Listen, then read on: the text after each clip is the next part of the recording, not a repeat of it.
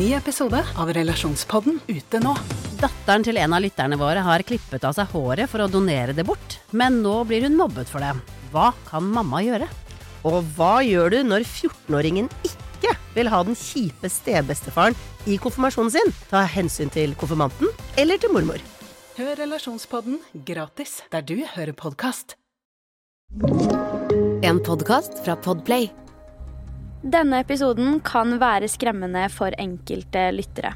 Om du er yngre eller sensitiv til drap, forsvinning eller beskrivelser rundt slike hendelser, så anbefaler vi at du lytter til episoden med noen du stoler på, eller skrur av.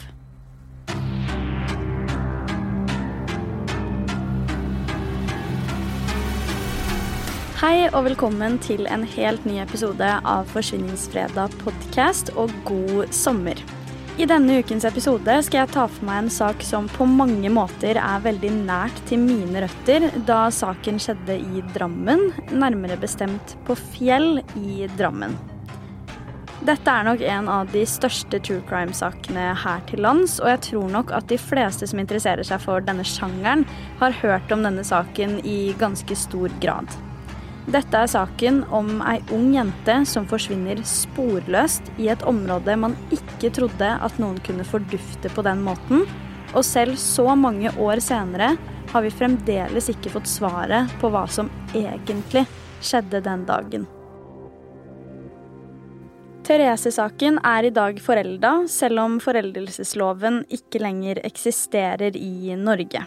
Det vil si at dersom man skulle funnet ut av hvem som står bak forsvinningen, så vil ikke vedkommende få noen straff for forholdet. Denne episoden kommer til å bli både lang og tidvis forvirrende, så sett deg godt til rette hvor enn du er, og la meg fortelle deg hva som skjedde med Therese Johannessen.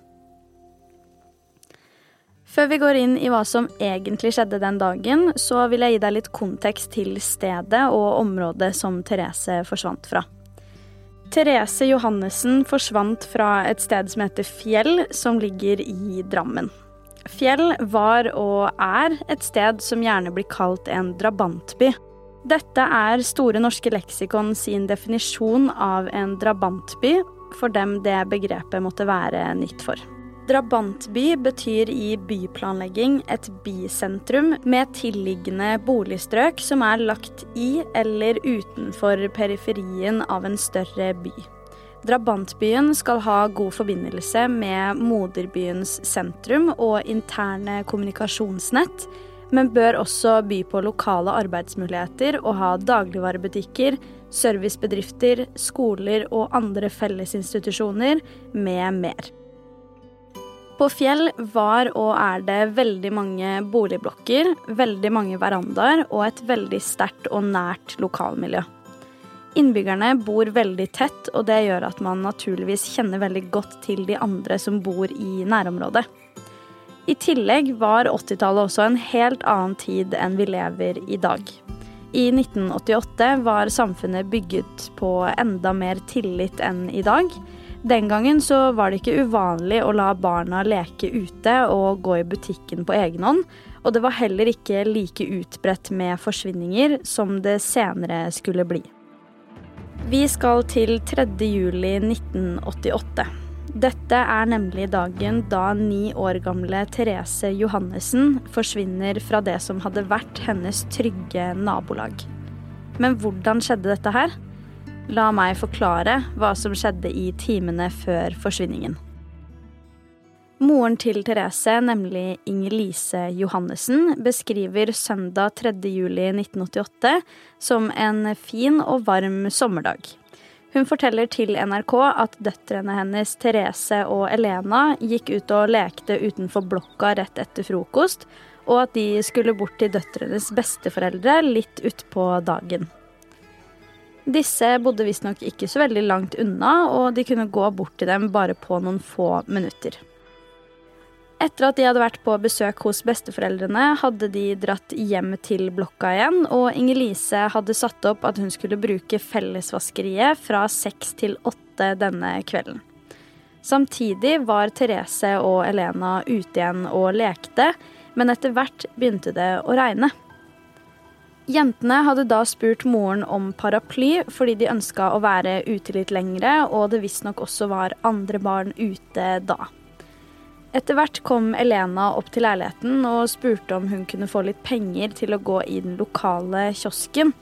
Moren forklarer at hun da spurte hvor Therese var, og Elena hadde svart at Therese skulle opp til en venninne og derfor ikke ville være med i kiosken. Inger-Lise forklarer at hun etter dette gikk ned i fellesvaskeriet igjen, og at hun da kunne se både sykkelen og paraplyen til Therese i inngangen til blokka. Hun forklarer til NRK at hun bemerka seg dette som rart, da Therese ikke var en person som satte fra seg ting på den måten. I tillegg til det kunne hun se at paraplyen var tørr, så det så ikke akkurat ut til at den hadde vært utenfor blokka i det hele tatt. For å ha det sagt, Therese blir beskrevet som en flott og slank jente med nydelig langt, svart hår. Hun var en veldig typisk jentejente, veldig glad i å pynte seg. Hun var litt sjenert og veldig pliktoppfyllende. Hennes nære beskriver henne som veldig glad og sprudlende rundt mennesker hun følte seg trygg på, men at folk hun ikke kjente så godt, ble hun mer stille og gjemte seg gjerne bak moren sin.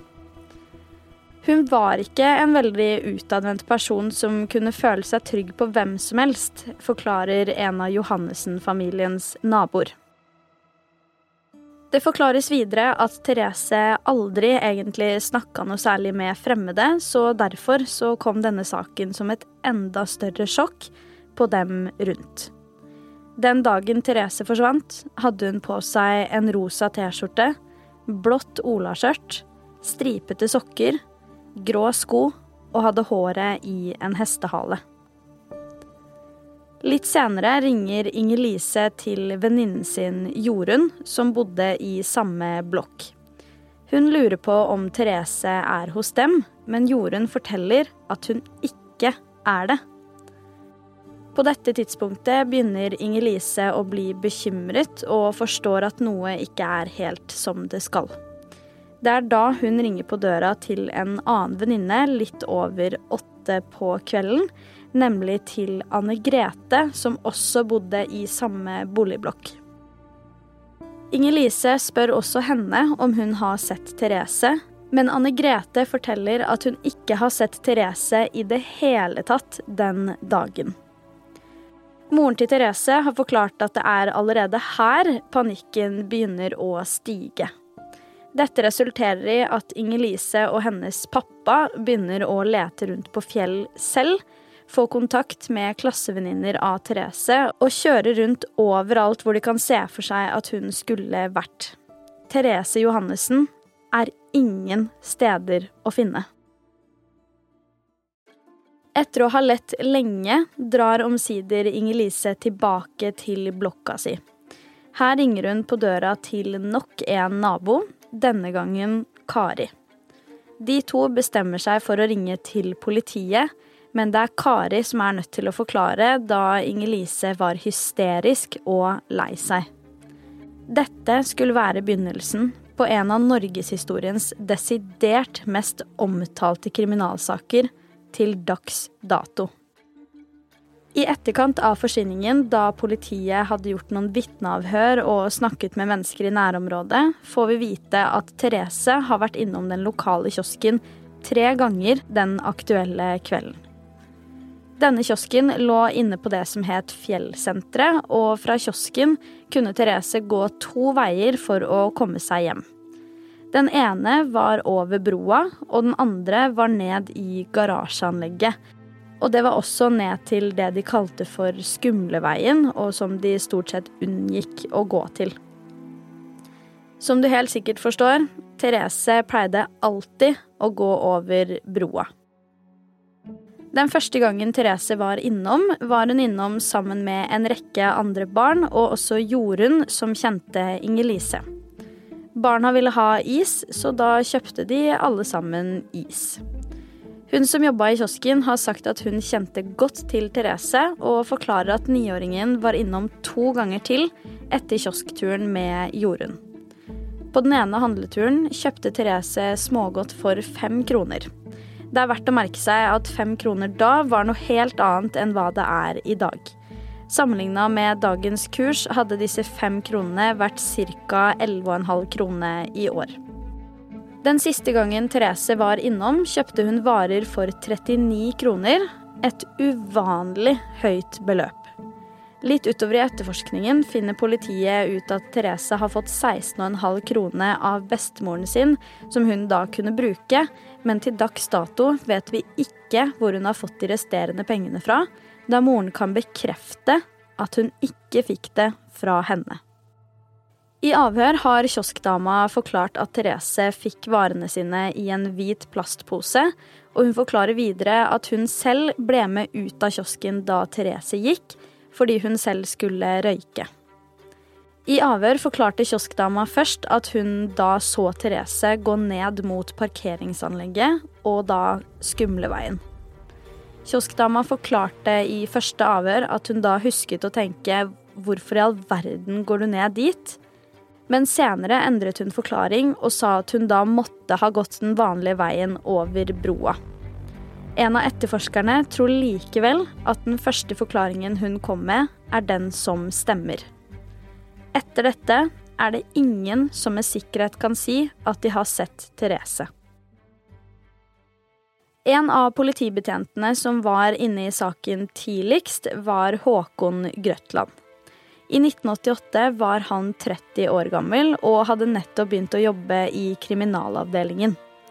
Håkon var ganske ny i politiet på den tiden, og hadde tidligere jobbet med mindre narkotikasaker og lignende, så dette var på mange måter hans første ordentlig store kriminalsak. Åpenbart satte denne saken spor i Håkon, for han jobba nemlig av og på med denne saken helt frem til han gikk av med pensjon. Den aktuelle kvelden hadde Håkon Grøtland faktisk fri fra jobb, men han bodde ikke så langt fra fjell, så han hørte både helikopter og andre ting som gjorde at han forsto at morgendagen på jobb kom til å by på noe større. Det hadde han rett i. Den daværende politibetjenten Jon Ottersen ble dratt inn i Therese-saken allerede samme kveld som niåringen forsvant. Han ble ringt mellom klokka ti og halv elleve på kvelden av da politikammeret i Drammen, og fikk beskjed om at ei lita jente hadde forsvunnet. Det er da leteaksjonen settes i gang, i samarbeid med Røde Kors og Sivilforsvaret, som ble koblet på ganske umiddelbart. I tillegg til dette var det veldig mange frivillige som hjalp til i søket, og dette søket begynte da i og ved blokka som Therese bodde i. Som jeg nevnte tidligere, så er det jo helt ufattelig mange mennesker som bor i blokkene på Fjell, og politiet klarte å telle 72 verandaer som var i posisjon til å kunne ha sett noe. Og da kan man jo også bare tenke seg hvor mange vinduer det egentlig er. Hvordan kan det ha seg at ingen har sett noe som helst? Jon Ottersen var mannen som initierte de første avhørene, rett og slett for å samle mest mulig informasjon i timene etter forsvinningen. Han ville vite hvem som hadde sett hva og hvor, og som vi har snakket om tidligere, så er det helt avgjørende å samle inn denne typen informasjon helt innledningsvis i en etterforskningsfase. Therese forsvant jo på en søndag, og hele både mandagen og tirsdagen gikk til leting. Dessverre førte ikke dette til noe som kunne gi politiet så mye som en ledetråd engang. Letemannskapet fant ikke verken klær, sko, leker eller noe annet som tilhørte Therese. Politiet forsto fort at noe kriminelt hadde skjedd i denne saken, så derfor tilkalte de Kripos. Dette skulle bli starten på en av Norges mest omfattende politietterforskninger gjennom tidene. Nå lønner det seg å hamstre påskekosen hos Ark. Ark inviterer nemlig til påskefest med skremmende bra nyheter, pocket fra 99 og 40% på alle spill og puslespill. Arkpåske betyr rett og slett mye påske for pengene. Så fyll opp med påskens favoritter i nærmeste arkbutikk eller på ark.no. Ganske tidlig gikk også politiet ut til publikum og ba om deres hjelp. Allerede første natta så ga de også ut flyers til taxier og bensinstasjoner, i tillegg til at Therese ble etterlyst på lokale radiokanaler og lignende. Som forventa fikk politiet inn en hel haug av tips, men ingen av disse ledet til funnet av Therese. Håkon Grøtland kan fortelle at en journalist hadde tatt et flyfoto over fjell, som han da fikk tak i. Dette gjorde han om til et sånt overhead-bilde, slik at han kunne tegne over på bildet og likevel ha originalen.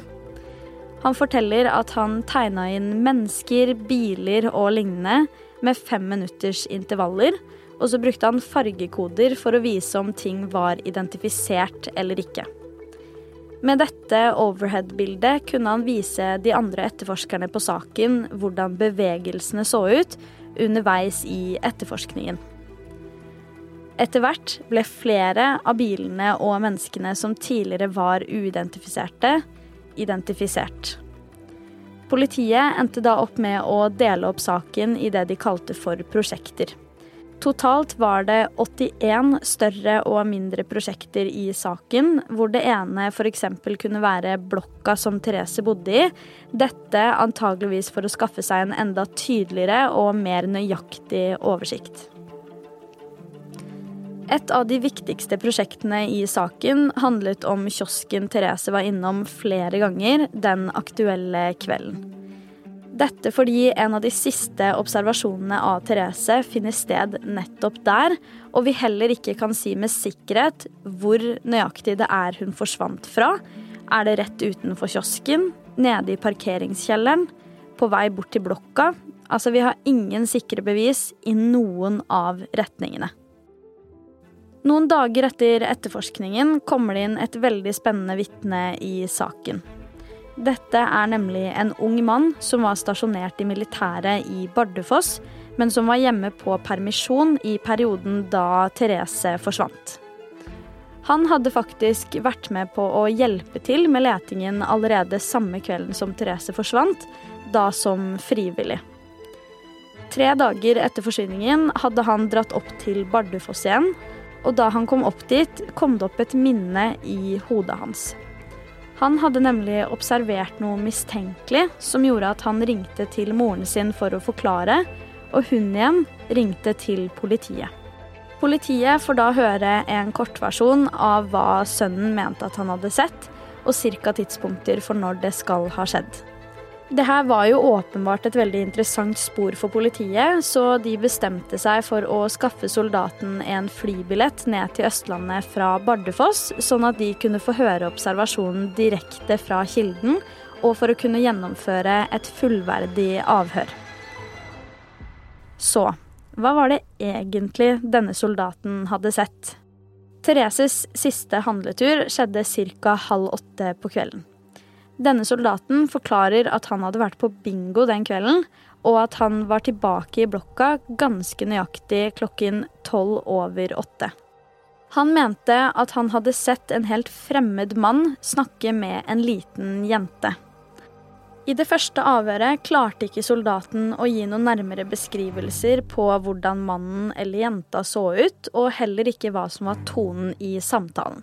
Men i et senere avhør ble han bedt om å forklare akkurat hva han huska. Det er sånn det kom frem enda flere detaljer om hva samtalen gikk ut på, og hvordan stemningen i hvert fall så ut til å være. Soldaten forklarer at den fremmede mannen virka veldig pågående og ville ha med seg den lille jenta til et eller annet sted. Den lille jenta hadde sagt at hun måtte spørre moren sin først, men da hadde mannen virka veldig overtalende og sagt at moren hennes vet jo hvor hun er. Den lille jenta svarte angivelig da at hun ikke kunne om hun ikke fikk spurt moren sin først, og at mannen da hadde svart tilbake at jo, det kunne hun, for moren visste jo hvem hun var med. Kort fortalt så virker denne samtalen veldig som en situasjon der denne fremmede mannen forsøker å overtale den lille jenta og rett og slett manipulere henne til å tro at dette er helt greit, og at moren hadde sagt ja til det.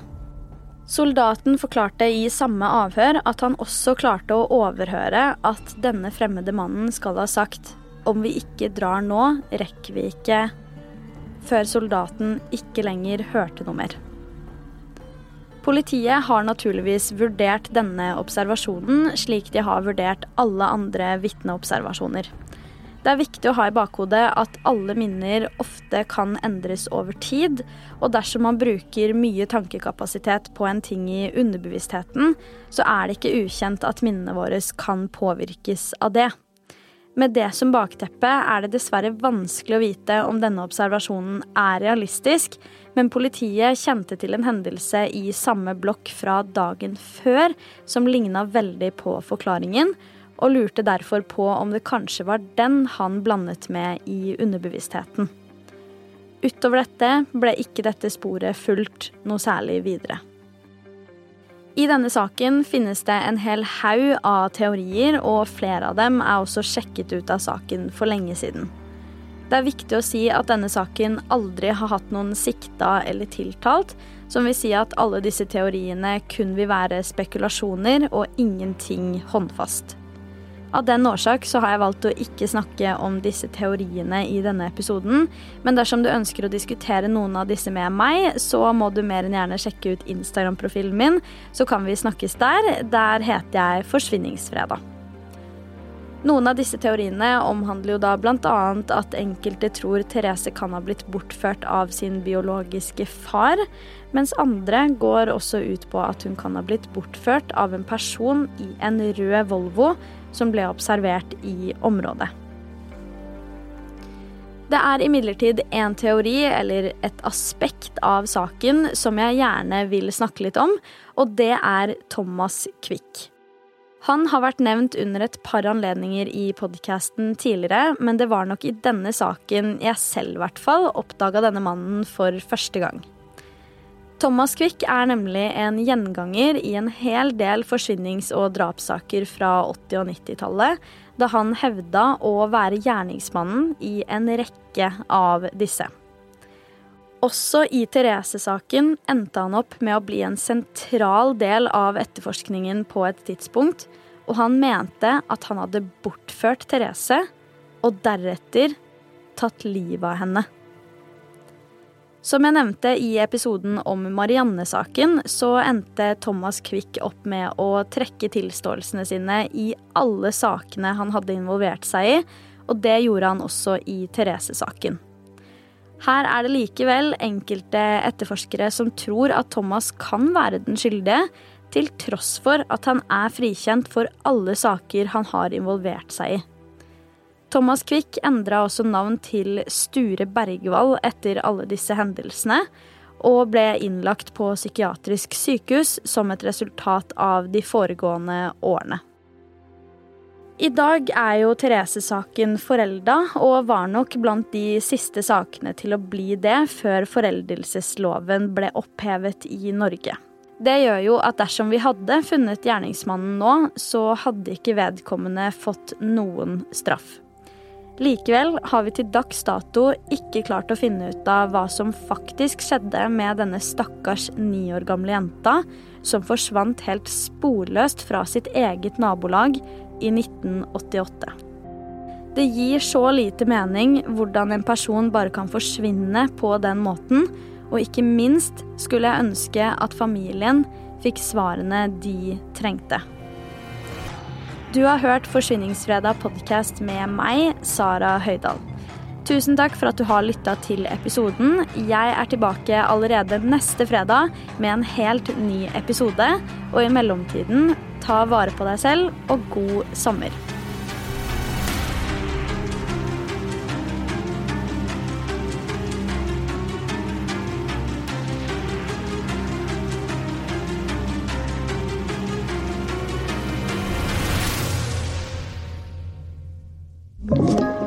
Du har hørt en podkast fra Podplay. En enklere måte å høre podkast på. Last ned appen Podplay eller se podplay.no.